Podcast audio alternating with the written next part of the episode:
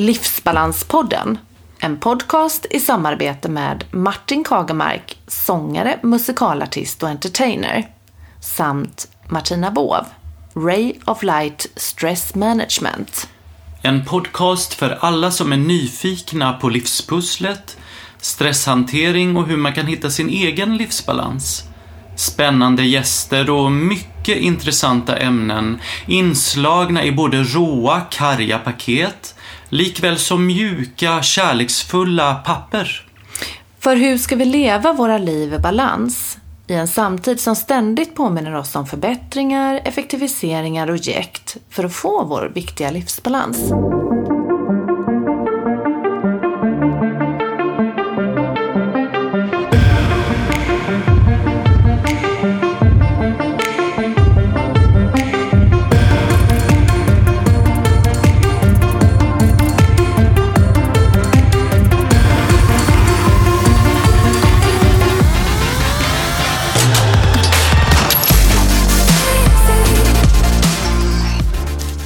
Träffade Töres Theorell, stressforskare, läkare inom internmedicin och professor emeritus på Karolinska institutet. Hemma hos honom på Norrmalm i Stockholm. Vi pratade om stressen i arbetslivet, krav, kontrollmodellen samt chefskap och arbetskultur. Vi hoppas att ni tycker detta blev lika intressant och lärorikt som vi. Nu kör vi! Välkommen till Livsbalanspodden. Töres Theorell, specialist i internmedicin som disputerade 1971 med avhandlingen Psykosociala faktorer i samband med uppkomsten av hjärtinfarkt och vissa metaboliska variabler, en pilotstudie. Theorell blev eh, 1981 professor Eh, från 2007 emeritus vid Karolinska institutet här i Stockholm och var under 1995 till 2006 föreståndare för Institutet för psykosocial medicin, IPM.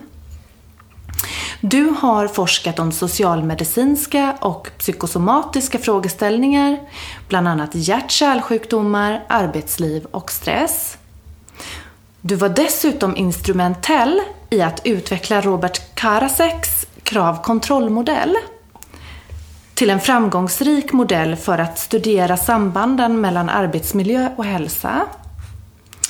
Och under senare år har du även utvecklat forskning om samband mellan kulturella aktiviteter och hälsa. Mm. Och du har dessutom bland annat varit med och skrivit boken som Stora hälsoboken och skrivit egna böcker som Psykosocial arbetsmiljö och stress, Noter om musik och hälsa samt publicerat mycket, veten, mycket olika vetenskapliga artiklar gällande stress i arbetslivet i helhet. Mm. Det stämmer ju. Ja. Det började alltså med, jag vet inte om jag ska börja prata om, om eh, hur det började. Går jättebra. Ja. Alltså jag började ju som sagt med invärtesmedicin. Mm. Och eh, såg jättemycket patienter och eh, framför allt såg jag väldigt många patienter med hjärtinfarkt. Mm. Så att det började med att jag eh, började intervjua dem om livshändelser som de hade varit med om precis innan de blev sjuka. Och jag hade en amerikansk handledare, en psykiatriker, som var känd då därför att han hade hittat på ett system att poängsätta livshändelser. Mm. Så vi höll på med det där ganska mycket och la ihop profiler på patienterna. De hade varit med om ett antal händelser liksom kvartal efter kvartal innan de blev sjuka. Mm. Och det, vi utvecklade det på många vis. Eh, men det var mycket sånt i min avhandling. Men i avhandlingen ingick även något som jag tycker var väldigt spännande. För att jag eh, sprutade nämligen adrenalin på mig själv och på andra mm. i ganska stora doser. Och så kände vi ju efter vad som hände med oss. Men vi tittade också på vad som hände med kroppen. Och eh, den subjektiva känslan var ju väldigt intressant. Det sprutade alltså en stor dos under skinnet en gång i timmen under en förmiddag. Och det där var så pass stora doser så att man fick eh, påverkan på hjärtverksamheten. Man kände sig väldigt eh, orolig och eh, jag minns att jag tyckte att jag borde vara arg. Men ja. det fanns ju för det mesta ingenting att vara arg på. Så att så fort någonting hände som gav anledning till ilska så grep jag tacksamt tillfället och får ut till vilda hotelser om någon hade stängt en dörr lite för hårt eller något sånt. Eh, den upplevelsen var ju väldigt stark. Den har jag egentligen haft med mig hela tiden sen. Det här var ett försök som vi gjorde ja, 1969 eller någonting sånt där. Mm. Och eh, eh, vi fann också att det blev, blev starka effekter på metabolism. Man kände sig eh, efter det här hela dagen och eh, en bra bit in på natten som man hade haft influensa ungefär. Okay. Och eh, det var väldigt svårt att behålla sömnen. Man vaknade hela tiden. Och i kroppen såg vi att eh, blodfetterna påverkades kraftigt och det blev stora mängder av ett ämne som man inte förknippar med stress men som har med stress att göra. Nämligen urinsyra.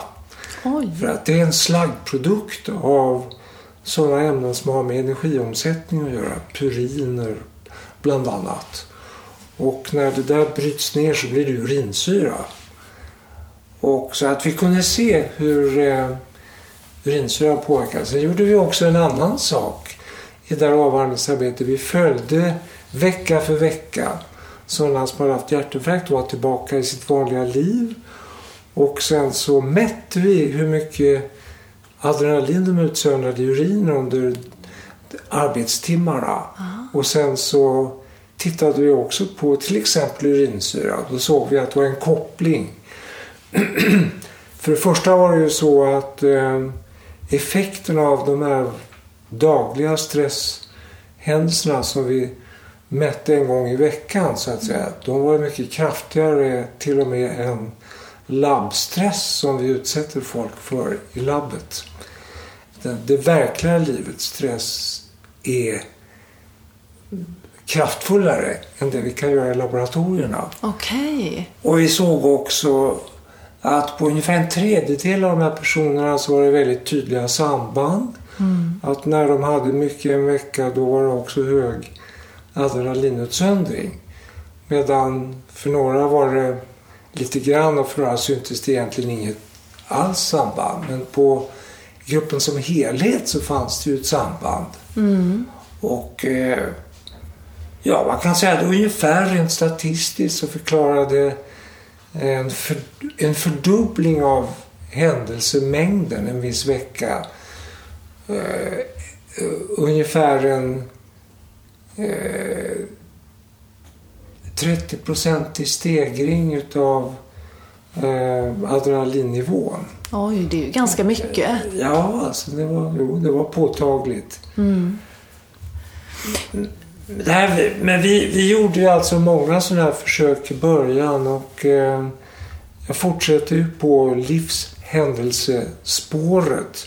Och sen gjorde vi mer sofistikerade studier där vi tog reda på vad som hade hänt ett visst år och så följde vi folk och se om det här som hade hänt, om det sen fick effekt på mm. risk för hjärtinfarkt under året som följde. Och då fann vi väl att ja, det fanns en typ av händelse som verkar ha betydelse. Och det var när folk hade fått ökat ansvar på jobbet. Men annars var det inte så att mängden livshändelser i största allmänhet hade något enkelt samband med risken för infarkt. Utan det var mera komplicerat. Och sen kom vi ju in i att det skulle ha, ja, det där utvecklade vi mer så jag ska inte gå in i det. Men, men vi kom i alla fall man kan säga att det här påminde ju väldigt mycket då om mm, alltså betydelsen av arbetet. För att det var verkligen det där med ansvar i arbetet som slog. Mm. Och då var det här, de vi då tittade på var ju byggnadsarbetare. Mest män då. Mm. Och eh, då började vi bli mer intresserade av just arbetet.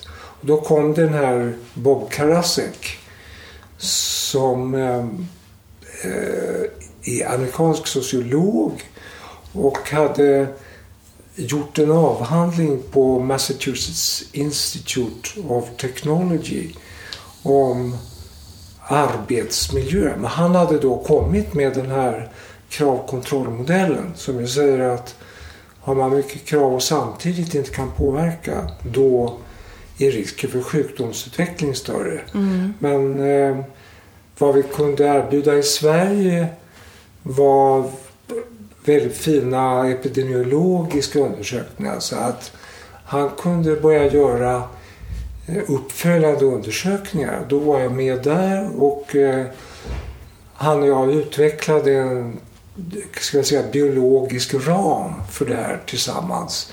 Och så skrev vi sen en bok som heter Healthy Work. Mm. Och den blev en stor försäljningssuccé. Den kom 1990 och den har sålts ja, 13 000 exemplar eller något sånt där. Så att det, den är väldigt... Eh, eller förlåt, den är citerad ungefär 13 000 gånger. Mm. Hur många exemplar den har sålt det, har jag, det kommer jag inte ihåg. Mm. Men den var i alla fall en väldigt viktig bok. Mm. Uh, och där började vi också redan med att se vad händer när man börjar diskutera sånt här på arbetsplatsen. Uh, blir det något bättre? Händer det någonting? Och ja, i vissa avseenden så blir det faktiskt bättre såg vi redan då i våra mm. tidiga undersökningar. Och sen har det kommit mycket mer sånt. Men man kan väl säga om man ser på forskningen i stort att eh, hur man åtgärdar och exakt hur man ska bete sig för att förbättra organisationen. Det, det är inte alls lika väl utforskat som att de här sambanden finns. Så att sambanden finns både epidemiologiskt, det har vi sett i jättestora undersökningar sen, alltså som omfattar eh, hundratusentals människor där man också mm. följer upp människor och även konstant håller rökning och andra riskfaktorer för hjärtinfarkt. Eh, men det är betydligt färre undersökningar som går ut på att man försöker åtgärda och så ser man om de blir mindre sjuka än mm. i jämförelsegrupp. En liten eh, fråga nu för våra lyssnare här mm. nu egentligen då. Epidemiologiskt. Ja. Kan du förklara det begreppet bara så att våra lyssnare förstår vad det, vad det ja, innebär? Med epidemiologiskt menar jag helt enkelt läran om hur sjukdomarna är utbredda i befolkningen. Mm. Så att som epidemiolog försöker man gå ut i befolkningen och så försöker man hitta riskfaktorer som man tror kan vara viktiga och så tittar man efter, har de samband med sjukdomar? Och sånt har ju gjorts väldigt mycket i relation i, i relationen mellan arbetsförhållanden och psykisk sjukdom. Mm. Men jag har ju den åsikten att man ska inte stirra sig blind bara på psykisk sjukdom för att det är också en massa samband med kroppsliga sjukdomar. Mm. Kan du berätta lite om det? Vad det finns för samband mellan psykisk ja. sjukdom och kroppslig sjukdom? Ja, det är ju kanske inte så konstigt. För att eh, ja, det beror på vad det är för psykiska sjukdomar vi talar om förstås. Mm. Men eh, det har varit känt länge att det finns ett eh, direkt samband mellan depression och hjärtinfarkt, om vi tar det exemplet. Mm. Och det har ju alla möjliga tänkbara förklaringar. Det kan vara så att man får en rubbning i stresshormonerna. Eh, det kan göra att man får eh, att man påverkar kortisol som är ju ett stresshormon som behövs när man ska mobilisera energi i besvärliga situationer. Om eh, den här påfrestningen blir långvarig så måste man ha kortisolet för att man ska klara av påfrestningen så att säga. Mm. Och om man då ideligen eh, pressar på den där mekanismen som kan förekomma vid depression, åtminstone i början av depressiva tillstånd. Där man alltså har höga nivåer av kortisol som inte går ner när man ska sova på kvällen. Då går man ju ständigt med en för hög kortisolnivå.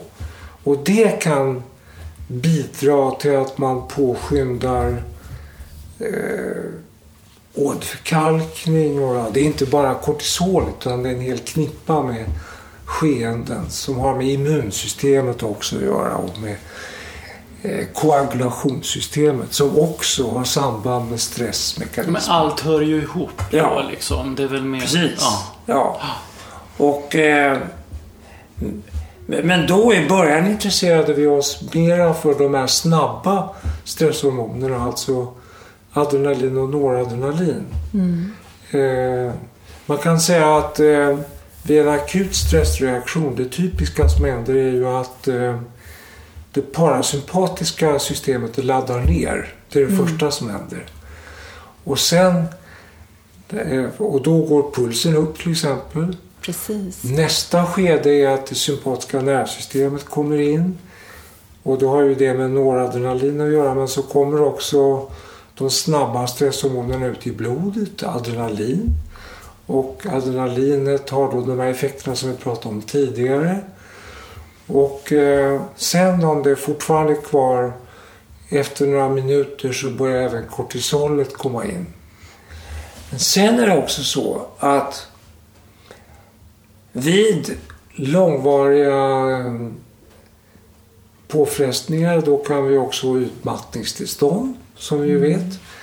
Utmattningssyndromet, man tror bland annat att det karaktäriseras när det har gått lång tid av att man inte längre kan få igång bland annat kortisol när man behöver det. Så att då har man en platt kortisolkurva som vi säger. Det vill säga det normala är ju att man har högt kortisol när man vaknar och ännu högre när man varit uppe en liten stund. Och sen så dalar det så småningom efter förmiddagen. Och så ska man ha lågt när man ska gå och lägga sig på kvällen och så vidare. Men den här normala reglermekanismen den fungerar inte som den ska. Vid utmattningstillstånden så får man låga nivåer hela dygnet. Och man kan inte få den ökning man behöver. Och då är det därför man känner sig så väldigt trött hela Det, tiden. ja, det är en, en av förklaringarna. Ja, precis. Eh, och då Kan vi, måste kan, man... kan vi, parasympatiska, kan vi förklara det för våra lyssnare? Ja. Ja, man kan ju egentligen säga lite grovt, alltså så, så, så där enkelt är det inte egentligen. Men lite grovt så kan man ju säga att eh, det sympatiska och det parasympatiska nervsystemet, de balanserar hela tiden varandra. Så att om, om man får en rejäl adrenalinkick efter en stund så när det sympatiska nervsystemet också har mobiliserats då aktiveras även det parasympatiska för att kroppen strävar efter en slags balans. Det är nästan som det österländska yin och yang. Alltså de balanserar varandra. Och eh, då är det också så att det sympatiska nervsystemet och energimobiliseringen det står ju för att vi ska klara av en stress. Och eh, vi behöver utmaningar, vi behöver ha stressperioder. Eh, men vi måste matcha dem med perioder av avslappning och regeneration som vi säger inom fysiologin. Och det, då är det ju parasympaticus som kommer in. Och parasympaticus står för matsmältning, fortplantning, alla möjliga saker som vi förknippar med eh, återuppbyggnad och avslappning. Eh, det svarar också mot vissa hormoner. Det är ju väldigt spännande att eh, kortisolet som vi pratar så mycket om, det är ju framför allt ett energimobiliserande hormon. Mm. Men det har också motsvarigheter eh, i det andra systemet, nämligen könshormonerna. Testosteron hos mannen och östrogen hos kvinnan. Framförallt östradiol kan man, kallar man det också. Och de har huvudsakligen återuppbyggande och återställande funktioner. Och det är när man pratar om fortplantningshormonerna så är det helt naturligt. För att det extrema fallet av återuppbyggnad det är ju att göra en ny människa förstås. Mm. Det är tala om att bygga upp celler. Men de behövs också för det ständiga reparationsarbete som pågår varje dag i vår kropp. När vi har slitit på cellerna och blivit av med några cellerna bara gör så här så ramlar det ner hudceller ifrån mina handflator. Mm. Och eh, när jag sväljer en hård smörgås så far det iväg några munceller eh, som hamnar i avföringen. Och när, eh, eh, ja, när vi inte gör någonting så eh, bryts våra vita blodkroppar ner så att gör vi inga nya så dröjer det bara tio dagar så har vi endast hälften så många kvar som när vi startade. Så att det är en väldigt snabb... Det där vet man ju från eh, folk som har elakartade sjukdomar och får cellgifter. Mm. Ibland så vill man till och med slå ut Mm. det egna produktionen av vita blodkroppar för att man till exempel ska göra benmärgstransplantation. Då tar det sådär tio dagar innan de överhuvudtaget börjar komma igång med någon produktion av Precis. vita blodkroppar. Och även muskelcellerna slits ut och behöver byggas nytt. Till och med skelettet, fastän det går långsammare, men även skelettet byggs om för att vara anpassat till vårt aktuella rörelsemönster. Det är ju därför som forna tiders lantbrukare hade jättestora händer till exempel. Just Det det. stimulerar skelett eh, byggandet så att säga. Och det är därför vi kan bygga ny vävnad när vi har brutit benet och så vidare. Så det är inte helt fel det vi Inte säger ens. då att vi säger att det här är arbetarhand liksom. Det är verkligen så. Ja, Konkret. Oh, ja, liksom. absolut. Ja. Och eh, sist men inte minst eh, så gäller det här också bindväv i hela kroppen. Det finns ju överallt så att säga. Och i muskler. Även i hjärnan. Ja. Eh, så att eh, det finns ett system som heter gliaceller i hjärnan som är stödsystem. Man kan säga att de eh, gliacellerna ser till att, att hjärnan mår bra. Och gliacellerna fungerar som vilken bindväv som helst. De är väldigt beroende av att vi har regenerationsperioder när vi återställer och eh, ser till att det byggs nytt och, och städas. Jag brukar säga att när vi sover då kommer städgummorna och reparationsarbetarna ut i kroppen och även i hjärnan. Eh, och tack vare att vi har de här systemen då kan hjärnan också fungera. Sen är det ju till och med så att vissa delar av hjärnan i dem så är även de grå cellerna känsliga för stress. Och det har ni hört säkert mycket om. Att eh, hypotalamus och där... Eh, nej, förlåt. Jag menar hippocampus. Hippocampus. Ja, hypo- hippocampus. Där är cellerna eh, känsliga Och eftersom hippocampus också är viktigt för närminnet när man ska prägla nya minnesbilder så är det där speciellt intressant i relation till utmattningssyndrom till exempel. Men annars är det så när man tittar på hjärnan, det finns ju nyare forskning som visar det att eh, det som skiljer en hjärna hos en person med utmattningssyndrom från andra det är att de områden i hjärnan som styr energimobilisering de är underaktiva och påverkade. Så man ser dem. Jag vet inte om ni får det i föreläsningarna också. Jo, Jo, Ja. absolut. absolut. Eh, en, en liten fråga här då kring det här. För eh, jag har gjort ett eh, arbete i eh, stresshanteringen. Eh, gällande kognitiva funktionsnedsättningar och Ja. utmattningssyndrom. Ja. Och där fick, kunde jag faktiskt dra lite slutsatser kring att ADHD och utmattningssyndrom, de eh, funktionsnedsättningarna påminner oerhört mycket om varandra. Är det någonting som du har sett Nej, eller? det har, jag inte, det har jag inte. Men däremot Nej. så är det ju så... Alltså, vid ADHD så är ett av problemen att arbetsminnet är dåligt. Precis, Och det är det ju också förstås vid utmattningssyndrom. precis. För, och det, är ju det, det har ju med den här eh, eh, påverkan på hippocampus att göra. Ja, I, I början när de här eh, resultaten började komma ut från forskningen då fanns det de som reste land och rike runt och föreläste och sa att Åh, stress är farligt, hjärnan blir förstörd och så vidare. Och det är en slags vulgärtolkning av någonting som är mycket komplicerat.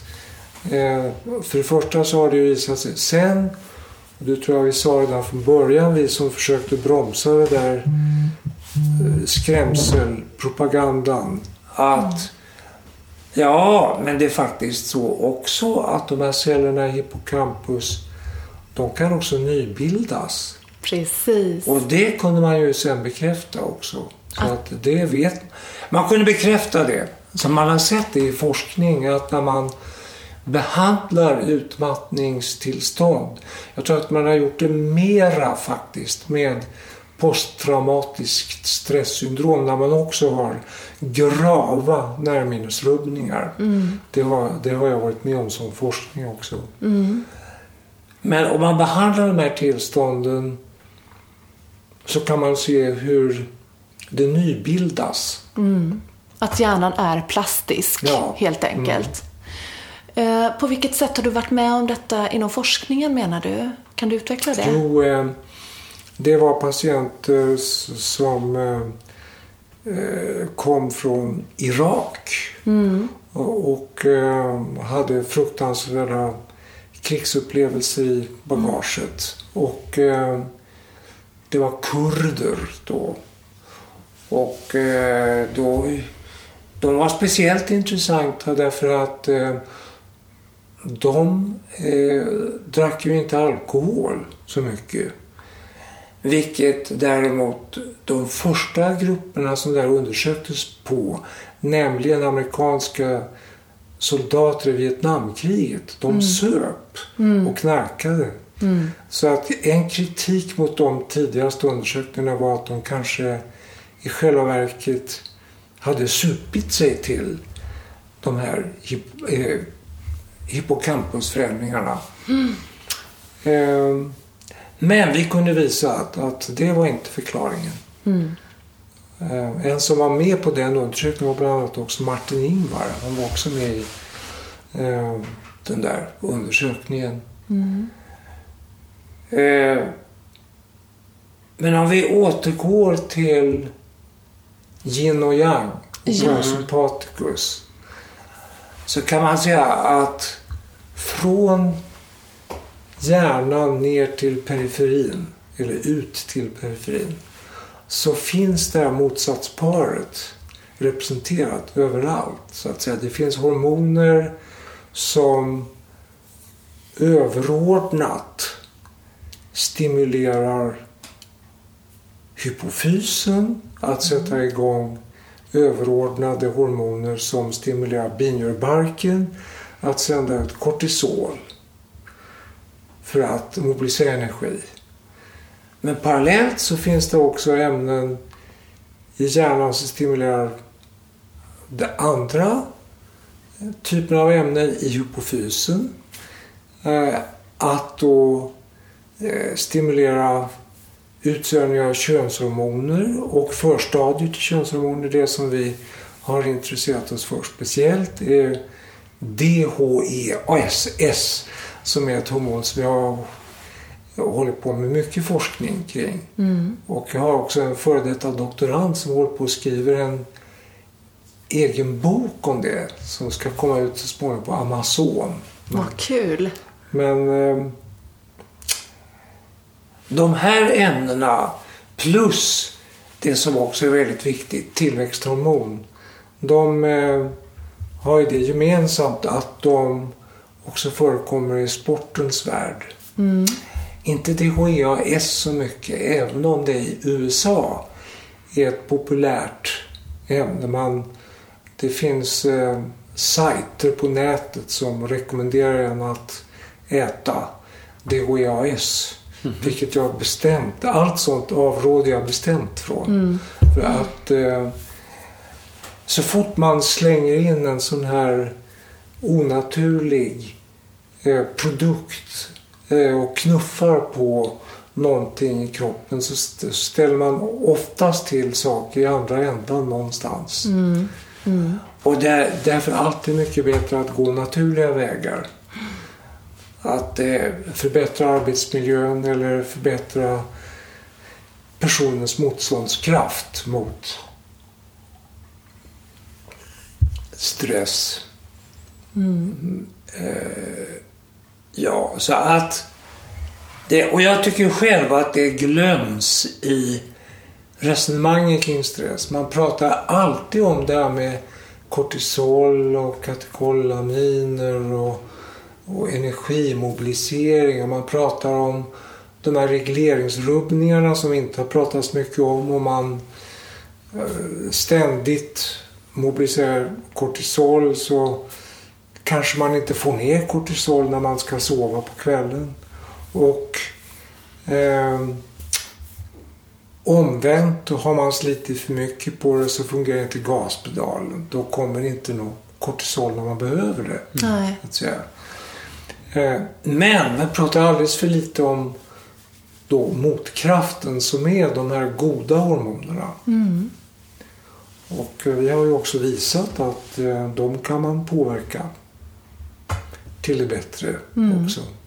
Men du, hur kom du in på arbetet med stress ifrån början? Ja. hur, hur, hur tedde sig det? Ja, alltså jag beskrev det där lite grann. Eh, det var därför jag beskrev den här första historien där med livshändelserna. För att så småningom när vi trängde lite djupare in i det och gjorde strängare undersökningar framåtblickande. Alltså man börjar med folk som inte vet att de ska få hjärtinfarkt. Mm. Mm. Så frågar man dem bara om förändringar som de har haft under året. Och så tittar man efter nästa år, vilka var det som fick hjärtinfarkt? Mm. Då måste man ha stora grupper för att mm. det är inte så vanligt med hjärtinfarkt, gudskelov. Och då visar det sig att, ja, hade de haft saker med jobbet, då mm. ökade risken lite grann. Det skulle vara allvarliga saker då. Kraftigt ökat ansvar eller så. Eh, då påverkades risken framöver. Och då försökte vi tränga in i det lite djupare. Och då råkade Bob Karasek komma eh, till mig för att han hade hört talas om att jag också höll på med hjärtinfarkt och arbetsstress. Mm. Och så jobbade vi väldigt intensivt i många år eh, med kravkontrollmodellen. Men det är ju mycket annat än kravkontrollmodell som är viktigt. Bland annat så har vi nu på senare tid gjort med eh, SBU, Statens beredning för medicinsk och social undersökning, tror jag det heter numera. Där har vi haft uppdrag för staten då att gå igenom all internationell litteratur på eh, området arbetsmiljö i relation till dels depression och utmattningssyndrom och dels hjärtinfarkt och stroke. Och det är arbete som vi hållit på med den senaste femårsperioden.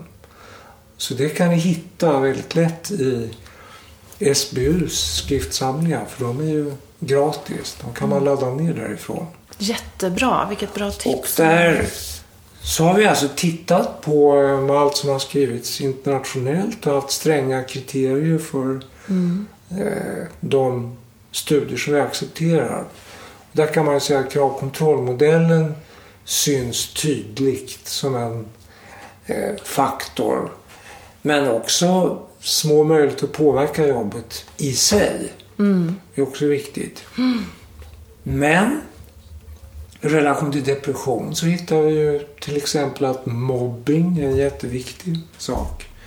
Och eh, sen finns det en rad andra faktorer som inte är lika massivt eh, dokumenterade. En annan favorit är den här ansträngningsbelöningsmodellen som ni också har hört talas om. Och eh, sen finns det ju nattarbete. Mm, precis. Eh, och det finns eh, eh, bristande stimulans på jobbet. Det finns eh, eh, olika typer av krav. Men krav är lite komplicerat för att krav kan vara så många olika saker. Och eh, isolerat så är det lite det beror på vad vi talar om för slags krav förstås. Men att, att för mycket krav i långa loppet kan vara farligt för sjukdomar, det är ju också klart. Men du Töres, eh, om man tittar lite på arbetsplatserna idag då. Eh, vad skulle du säga är den vanligaste orsaken till utmattningen idag? Eller utmattning idag? Eh, skulle det kunna vara bristande ledarskap, arbetsplatsmobbning eller obalansen då gällande krav och kontrollmodellen? Vad ser du? Ja, det är ju väldigt... Det där är, borde jag kunna svara på men jag, jag kan inte riktigt eh, säkert eh, yttra mig om det. Och vad jag kan säga är väl att eh, vi har ett... eh, Alltså, eh, jag, som jag upplevt det så har utvecklingen på det här området skett lite språngvis. Alltså vi har pratat om den farliga stressen under hela min karriär, alltså ända från 60-talet. Och folk har sagt oh det är så stressigt och jag blir så sjuk och sådär. Men till att börja med så har vi egentligen inte speciellt mycket belägg för att det verkligen var så. Skulle man kunna säga. Vi har ju de här absolut suveräna undersökningar om levnadsförhållanden som var baserade på fantastiska undersökningar av urval, slumpurval av svenskar som blev intervjuade face to face. Och, eh, och även levnadsnivåundersökningen. De där undersökningarna de pekar ju på att från slutet på 60-talet och fram till slutet på 80-talet så hade vi ganska stabilt arbetsliv. Det hände inte så jättemycket. Men, eh, och jag tycker inte att man där fann, fann belägg för att stressen ökade speciellt.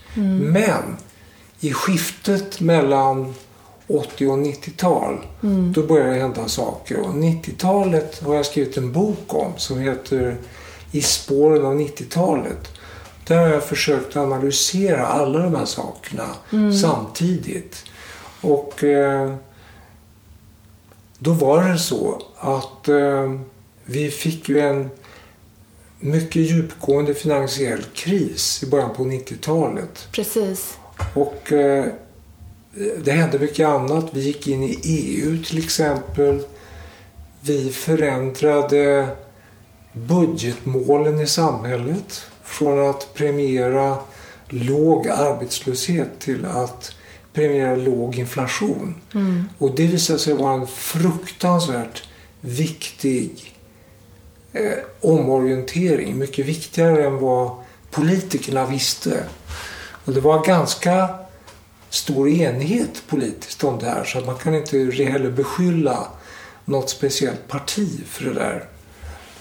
Men då steg ju arbetslösheten mycket kraftigt och vi fick väldigt mycket omställningar. Det var då som privatiseringarna började. Mm. Det var då som man minskade eh, antalet undersköterskor i sjukvården och eh, vi har sett en långsiktig utveckling med en minskning av antalet anställda i tillverkningsindustri, jordbruk, eh, fiske, även sjukvård. Mm. Eh, och även, ja alltså jag sa tillverkningsindustri, alltså det gamla löpande bandjobbet är färre som är engagerade i idag. Mm. Och vad gör folk idag? Mm. Jo, vi administrerar oss. Vi producerar kunskap som kanske alla inte vill ha. Mm. Eh, vi forskar och vi eh, eh, eh bedriver informationskampanj. Eh, mycket av det här måste vi försöka pressa ut till folk som inte vill ha det. Mm. Och eh, i sjukvården har det gått så långt att det är i princip fler som administrerar än som faktiskt sysslar med patienter. Mm. Och det skapar en massa problem i sig. Mm. Men i alla fall, om vi går tillbaka till 90-talet så om vi bara tittar helt iskallt på hur anställda upplevde saker och ting så ser vi att under de här åren så var det vissa branscher i vilka folk upplevde att de fick allt mindre och mindre att säga till om. De kunde inte påverka. Och det var framför allt kvinnor i vård och i undervisning. Och samtidigt skedde, och det här kom framför allt i slutet av 90-talet, från 97 och framåt och fram till ungefär 2003. Okay. Under hela 90-talet, liksom i hela Europa, så ökade kravnivåerna, mm. de upplevda kravnivåerna. Eh, på och, arbetsplatsen? Ja, mm. Men det. var inte det mycket internet och man skulle helt plötsligt kunna datorer och ja, visst, mobiler ja. och det tekniska och där, som inte vi hade någon kunskap om? Absolut. Mm. Visst, jo absolut. Så är det ju. Och eh, det här accelererade ju väldigt under 90-talet. Mm. Mm. Och eh, där var ju vi i Nordeuropa, i Skandinavien och Tyskland så där, vi var ju före Sydeuropa till exempel. Mm. Eh, men jag har sett som läkare väldigt konkret hur det här kunde utspela sig även dessförinnan. För mm. att eh, datorerna började ju komma som arbetsredskap för vissa grupper tidigare än så. Mm, mm. mm. Till exempel kommer jag ihåg att jag hade ett arbetsskadeärende som handlade om en eh, kvinna som hade, som hade fått en hjärtinfarkt när, redan när hon var typ 48 år eller något sånt där. Hon hade inte haft några andra riskfaktorer och eh, vad som hade hänt henne var att hon jobbade i en kommunal förvaltning och hade ansvar för löneutbetalningarna och så införde de datoriserad löneutbetalning som hon hade ansvar för. Och det fungerade inte. Så folk fick inte sina löner. Och detta pågick liksom i oändlighet och hon fick ju rycka ut hela tiden och mm. blev utskälld och hade fruktansvärt besvärligt med det där. Mm. Så hon faktiskt fick, hon blev eh, tilldömd arbetsskadeersättning. Men gud. Och blev förtidspensionerad. Oj då. Så att... Eh, mm. Men eh, eh, om vi går tillbaka till din fråga. vad är det egentligen som händer i arbetslivet? Ja, vi kan säga att eh, i ett 30-årigt perspektiv Mm. så har de subjektiva kraven ökat Mm. I svensk arbetsmarknad. Men Och när man kan säga att nu subjekt... under senare, ursäkta mig, Ja, frå, ja. från 2003 eller något där, när det här ökningen Mm. slutade. Eh, Och också den sjuktalstopp som vi hade då nått sin kulmen. Och den drabbade ju framför allt just de här grupperna som sa att de hade fått sämre möjlighet att påverka sitt arbete. Efter det, efter 2003, så har nivåerna av påverkansmöjlighet och kravnivåer, den har legat ungefär konstant. Och det vill säga det går upp och ner beroende på hur konjunkturerna i samhället fungerar och lite sådär. Men i stort sett så ligger nivåerna ganska konstant. Men den stora förändringen den ägde rum på 90-talet. Men däremot är det så, tror jag, att det händer mycket med de unga som är värt att fundera över. Och det är att eh, i vissa branscher när de unga kommer in om vi tar till exempel sjukvård och äldrevård. Då är, är ju eh, man är inte van vid de situationer man exponeras för. Det handlar om hemska saker, folk som ska dö. Eh, det är dramatiska grejer som utspelar sig med mm.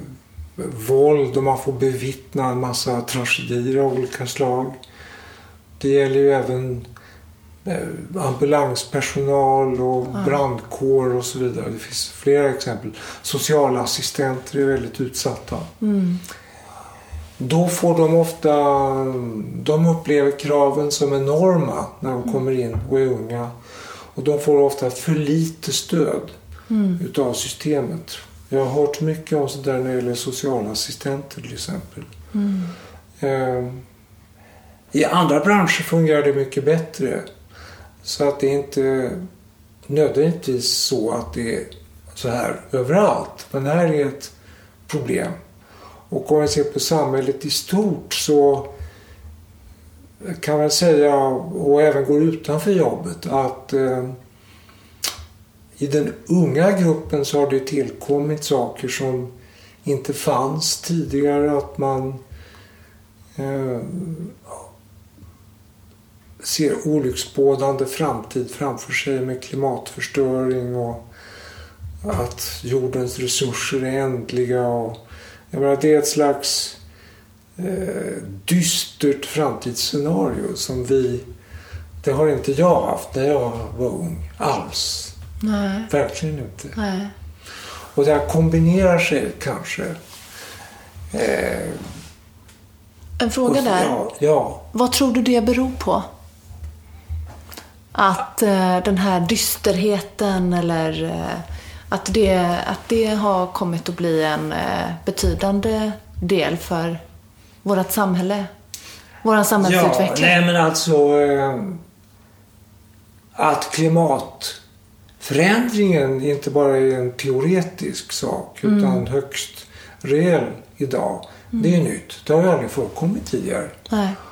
Och eh, att det är plast i världshaven och jag menar, vi får ju varenda dag att det är miljoner djurarter som dör och, och så vidare. Det är ju... Eh, det scenariot har tidigare generationer inte ställts inför. Och sen tror jag om vi återgår till arbetslivet så är det ju sådana här fenomen som det ständiga ra- rationaliserandet och att eh, ekonomi har kommit att eh, bli viktigare än etiska överväganden för vårdpersonalen. Det är ju något fruktansvärt. Vi har ju det som vi kallar för etisk stress. Det vill säga man lär sig hur man ska hantera patienter. Och när man kommer ut i verkligheten så går all ens tid åt att protokollföra sina åtgärder enligt en viss kod för att pengarna ska fungera och så vidare. Det här är ju totalt nytt. Precis. Så det hade vi inte alls när jag jobbade. Nej. Och det tar ju en väldigt stor del av tiden. Det klagar också läkarna bittert över. Och det är en av de mest stressande faktorerna för läkare. Det har skrivits en del om det i Läkartidningen. Ehm, och det är ju likadant. Min hustru är, har varit lärare i kommunal skola och hon säger ju att det enda allting handlar om är ju åtgärdsplaner och eh, läroplaner och individuella eh, mål och eh, mäta. Eh, min hustru var dessutom speciallärare och hon klagade över att det gick åt mycket mer tid åt att mäta var de stod än att faktiskt hjälpa dem. Så är det ju i sjukvården också. Det går åt mera tid till ekonomi och administration än till att sköta patienterna. Ja. Men detta tror jag är ju väldigt, väldigt vanligt ute på de allra flesta arbetsplatser idag där kraven ökar. Ja, det där är ju helt absurt. Hela tiden, ja. Visst. Effektiviseringseffekten, Ja, just om man det. säger. Lean production. Skulle man också man kunna säga. Man lägger resurserna på fel Ja, sätt. Ja, Det, är Det ju handlar ju om att- klokt. det handlar ju om Ja, att dra ner kostnaderna ja.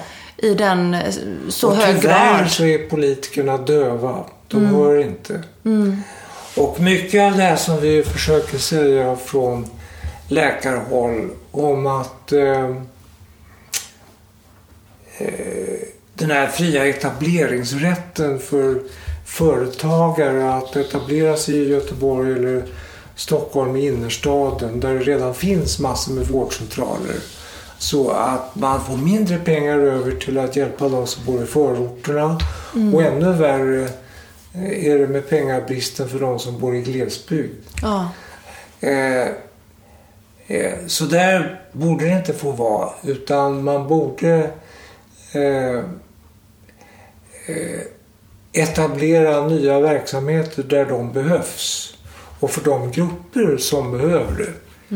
Inte så att man går ut och etablerar massa verksamheter för folk som kan betala på platser där det redan finns överetablering och där man måste kämpa eh, för att få patienter och det gör man då genom att gärna sjukskrivna, sjukskriva mer än vad som behövs.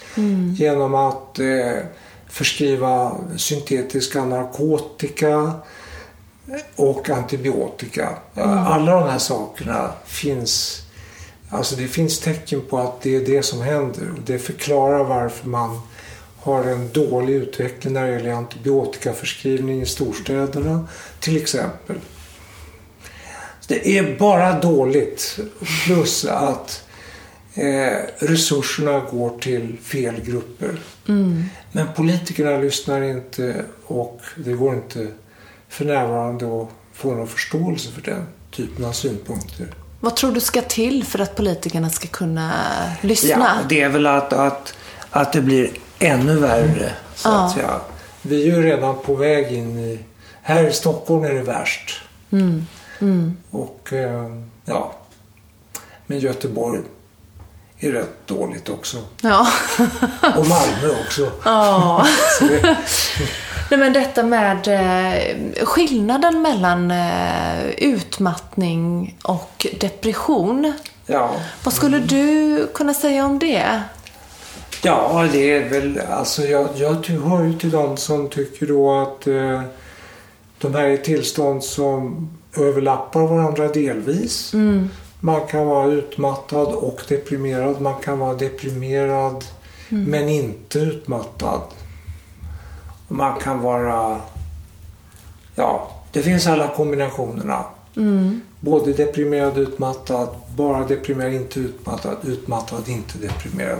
Precis. Och eh, Men de ter sig lite lika då. ja, de, de är ju delvis lika, men de, det finns också en del olikheter biologiskt, tycker man sig se. Alltså, eh, nu är det inte alls universellt på det viset. Men om vi, om vi ser på den gamla tidens depressioner. Mm. De här riktigt långvariga, svåra tillstånden som uppstod egentligen innan man hade antidepressiv medicin. Mm.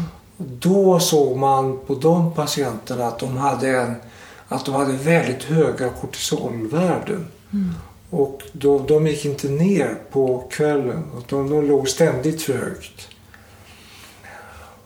Medan det klassiska vid, eh, ja allra tydligast egentligen vid det kroniska trötthetssyndromet. Mm. Det är ju att man har extremt låga kortisolvärden hela dygnet. Mm. Och eh, de går inte upp när det behövs.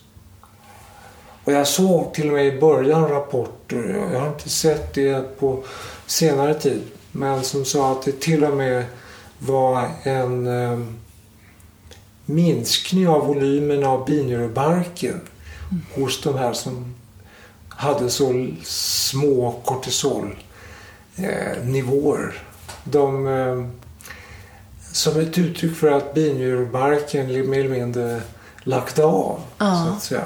Ja. Men de flyter in i varandra och eh, det är ju också så att vi har ju utvecklingsstadier. Mm. I utmattningssyndromet så är jag ganska övertygad om, när jag tittar på den forskning som finns, att vi har ett stadium som handlar om höga kortisolnivåer och kanske påminner om den gamla sortens depression. Och sen när de håller på med det här ett tag så går de över i ett tillstånd med låga kortisolnivåer istället. Mm. Uh, Mätte du dina kortisolnivåer? Nej. Nej. Nej. Varför gör man inte det i sjukvården? Inte. Nej. Ja, det är, det avancerat? Ja, det gör man ju faktiskt ibland. Men eh, i så fall ska man ju mäta helst en utveckling över tid. Mm. Så att ett enstaka prov så här säger inte så mycket. Men gör man ett enstaka prov då ska man ju helst försöka få en dygnskurva. Mm. Så att man ser hur det ligger på morgonen när man vaknar, en halvtimme senare och sen när de går och lägger sig. Men varför gör man inte det oftare då så man får rätt diagnos? Ja, det, man borde kunna göra det mer än vad man gör. Det kan jag tycka. Mm. Det kan jag tycka. Eh, men som sagt, man, eh, det mest suveräna är att man har utvecklingen över tid. Mm. Mm. Ja. Men det finns möjlighet till att ja. göra det. Mm. Vad behövs tror du för att vi människor ska klara oss undan utmattning och depression och hjärt-kärlsjukdom ja. på arbetsplatsen?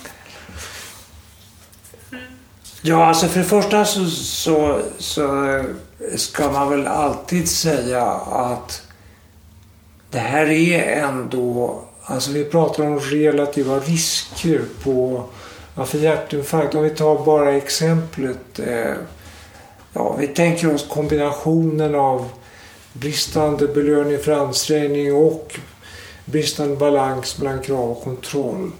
Ja, den här största undersökningen som jag känner till och där ja, när folk har det eh, då har de 40 procents överrisk.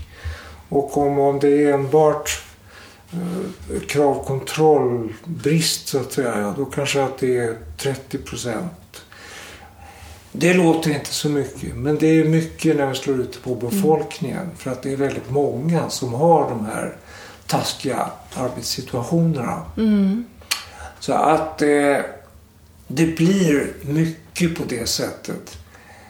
Eh, men det är ju bara en aspekt. En annan aspekt är ju då extremt långa arbetstider till exempel. Om man håller på länge med det så är det inte så nyttigt. Eh, och eh, det finns en jättestor undersökning som visar att risken för stroke ökar mm. lite grann då. Mm. Också i storleksordningen 30 procent kanske. Om det är liksom långvarigt arbetstider över 55 timmar i veckan hela tiden. Liksom. Mm. Och eh, ja, nattarbete verkar öka risken också. De här sakerna kan vi ju, jag menar mycket av det kan vi inte vara utan. Precis. Eh, bristande balans mellan krav och kontroll, det kan vi åtgärda. För vi kan framför allt påverka eh, arbetsdemokratin. Vi kan se till att eh, cheferna fungerar bättre och att de är på arbetsplatsen och syns eh, på något sätt konkret, verkligt för sina anställda och att de engagerar sig i de problem som finns. Mm. Och också förklarar mål och eh, eh, vad man håller på med på ett bra sätt så att folk ser sin roll i det som händer. Eh, där har ju eh, cheferna en viktig roll för eh, just den upplevda möjligheten för de anställda att, uppleva, att, att ha kontroll över sin situation.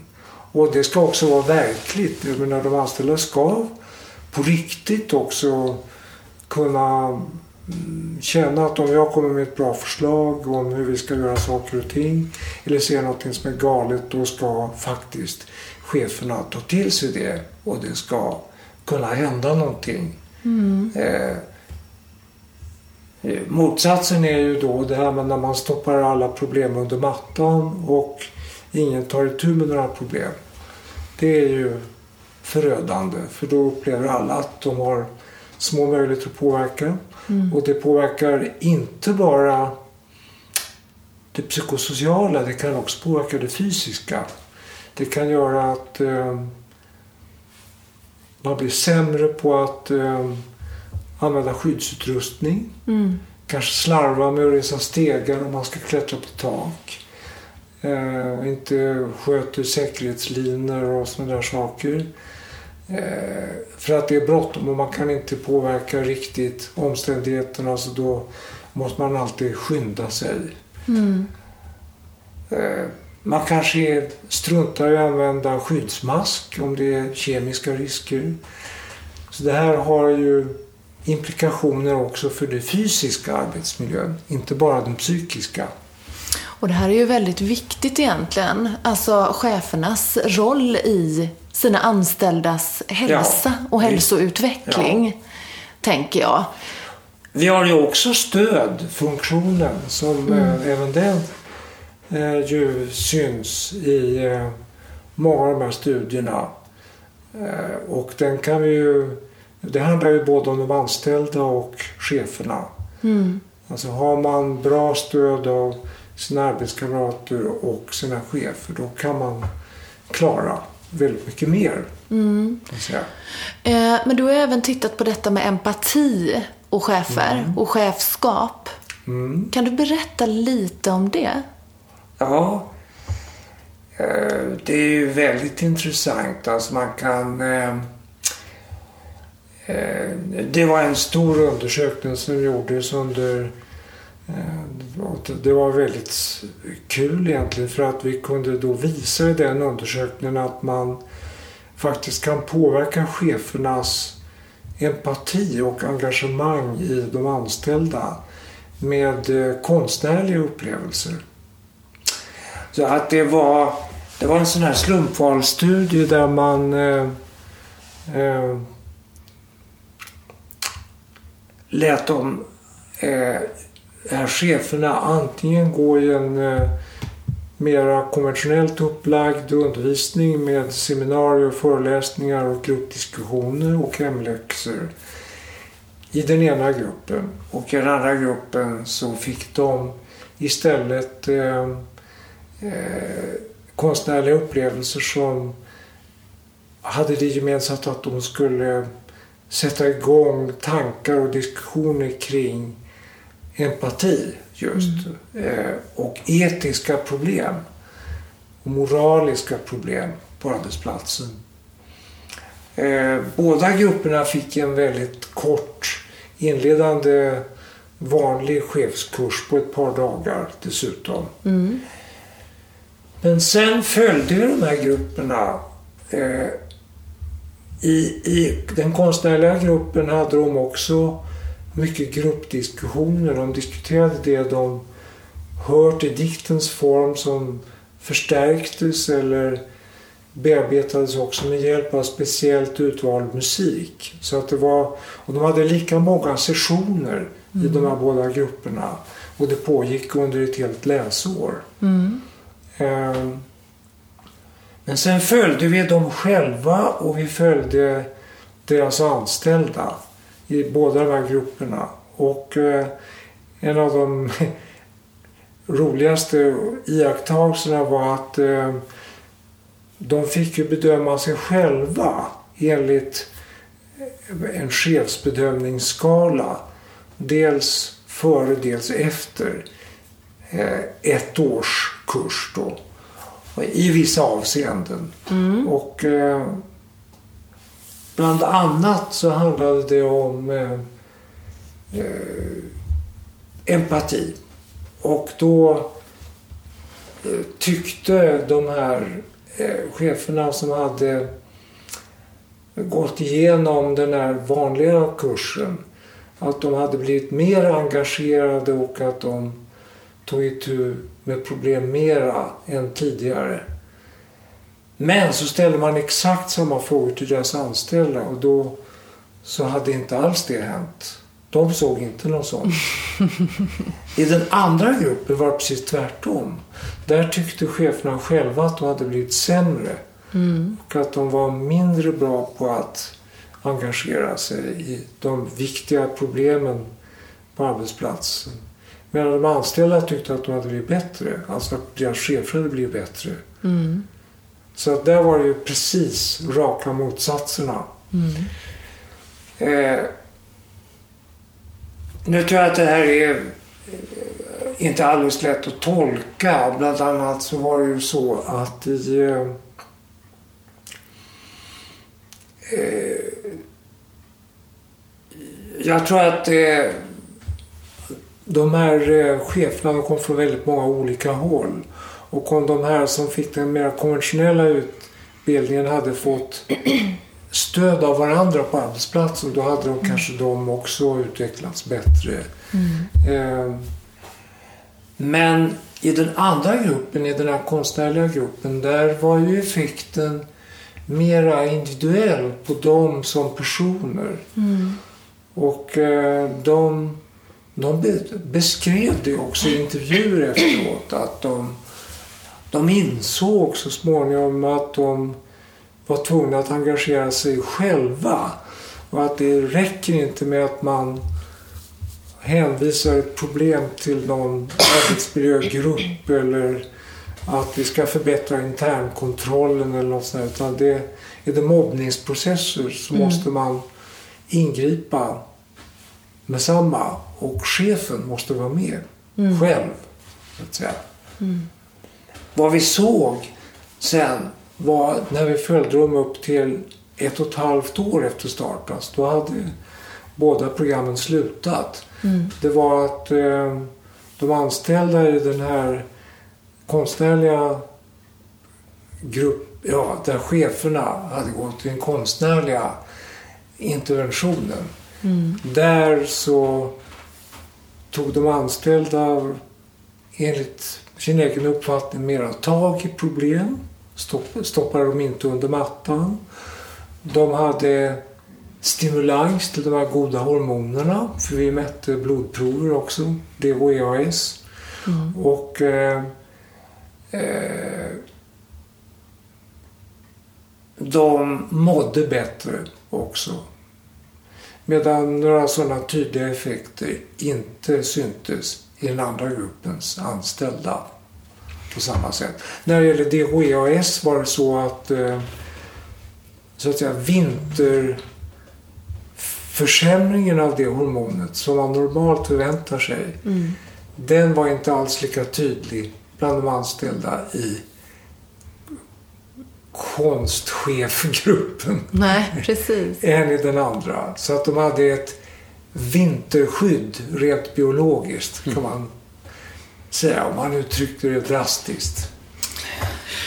Va, va, va, Töres, vad har du för tips till den som lever i ekorrhjulet av stress? Ja, för det första så handlar mycket av det vi har lärt oss eh, som barn om att eh, bejaka eller erkänna eh, det som händer i kroppen, så att säga. Vi är tvungna att ignorera ganska mycket av det som händer i kroppen. Nej, det är helt naturligt. Vi kan inte eh, gå och bekymra oss jättemycket så fort vi får en pulsökning eller vi känner att eh, eh, vi har spänningar i någon arm eller något ben. Eller, vi kan inte känna efter att vi måste helt enkelt trycka tillbaka en massa, annars så fungerar vi inte. Och hela systemet pajar så att säga. Men det finns gränser. Vi måste lära oss när vår kropp börjar bli farligt stressad långvarigt. Och det är olika individuellt. Och det där måste vi lära oss och det kanske vi måste ha hjälp med. Jag har slagits av hur många patienter som inte alls är medvetna om hur hjärtat slår hos dem själva. Och som inte... De känner inte alls vad som händer i sin kropp. Och, eh,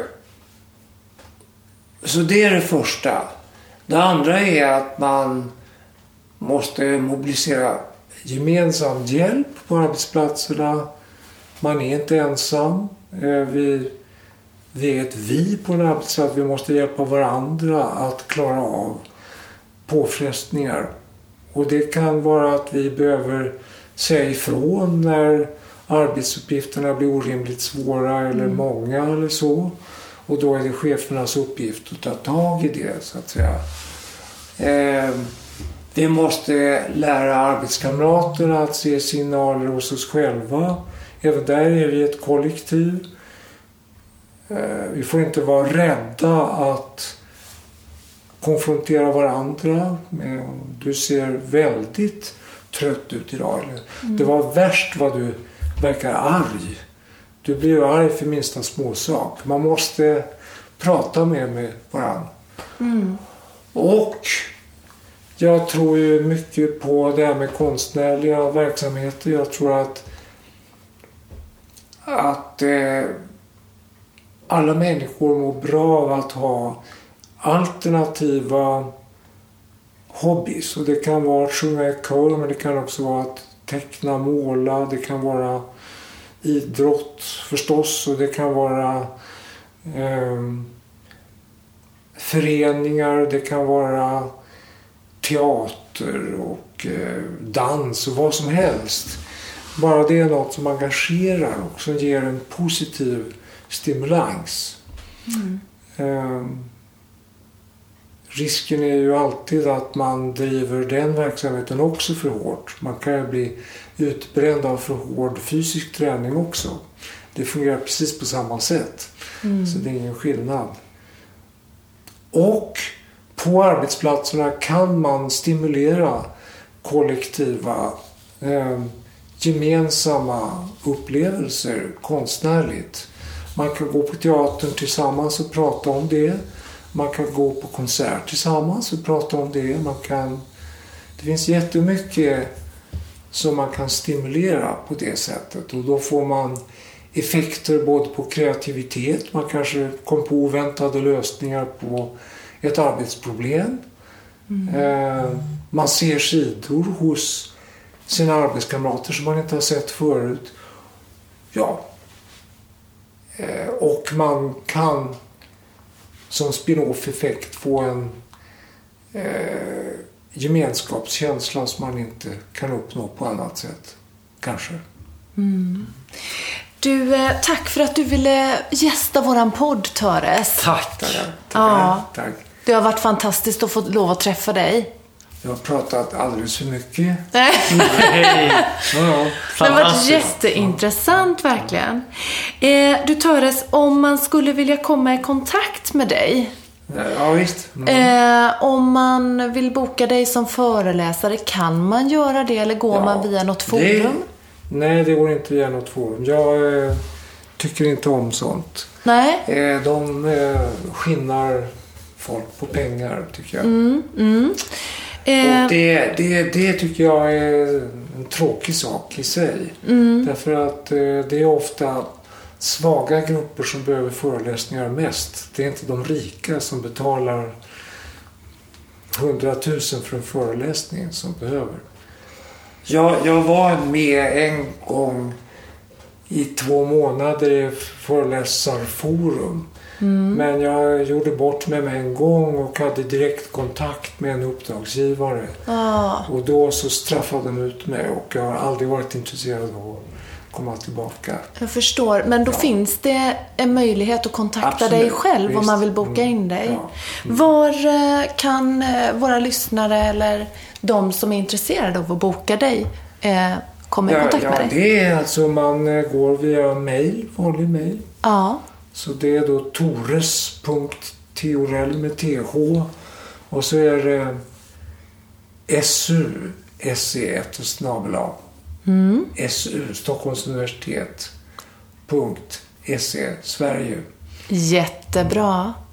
Eh, tack så mycket Töres och Livsbalans och kärlek till er alla. Puss och kram från oss.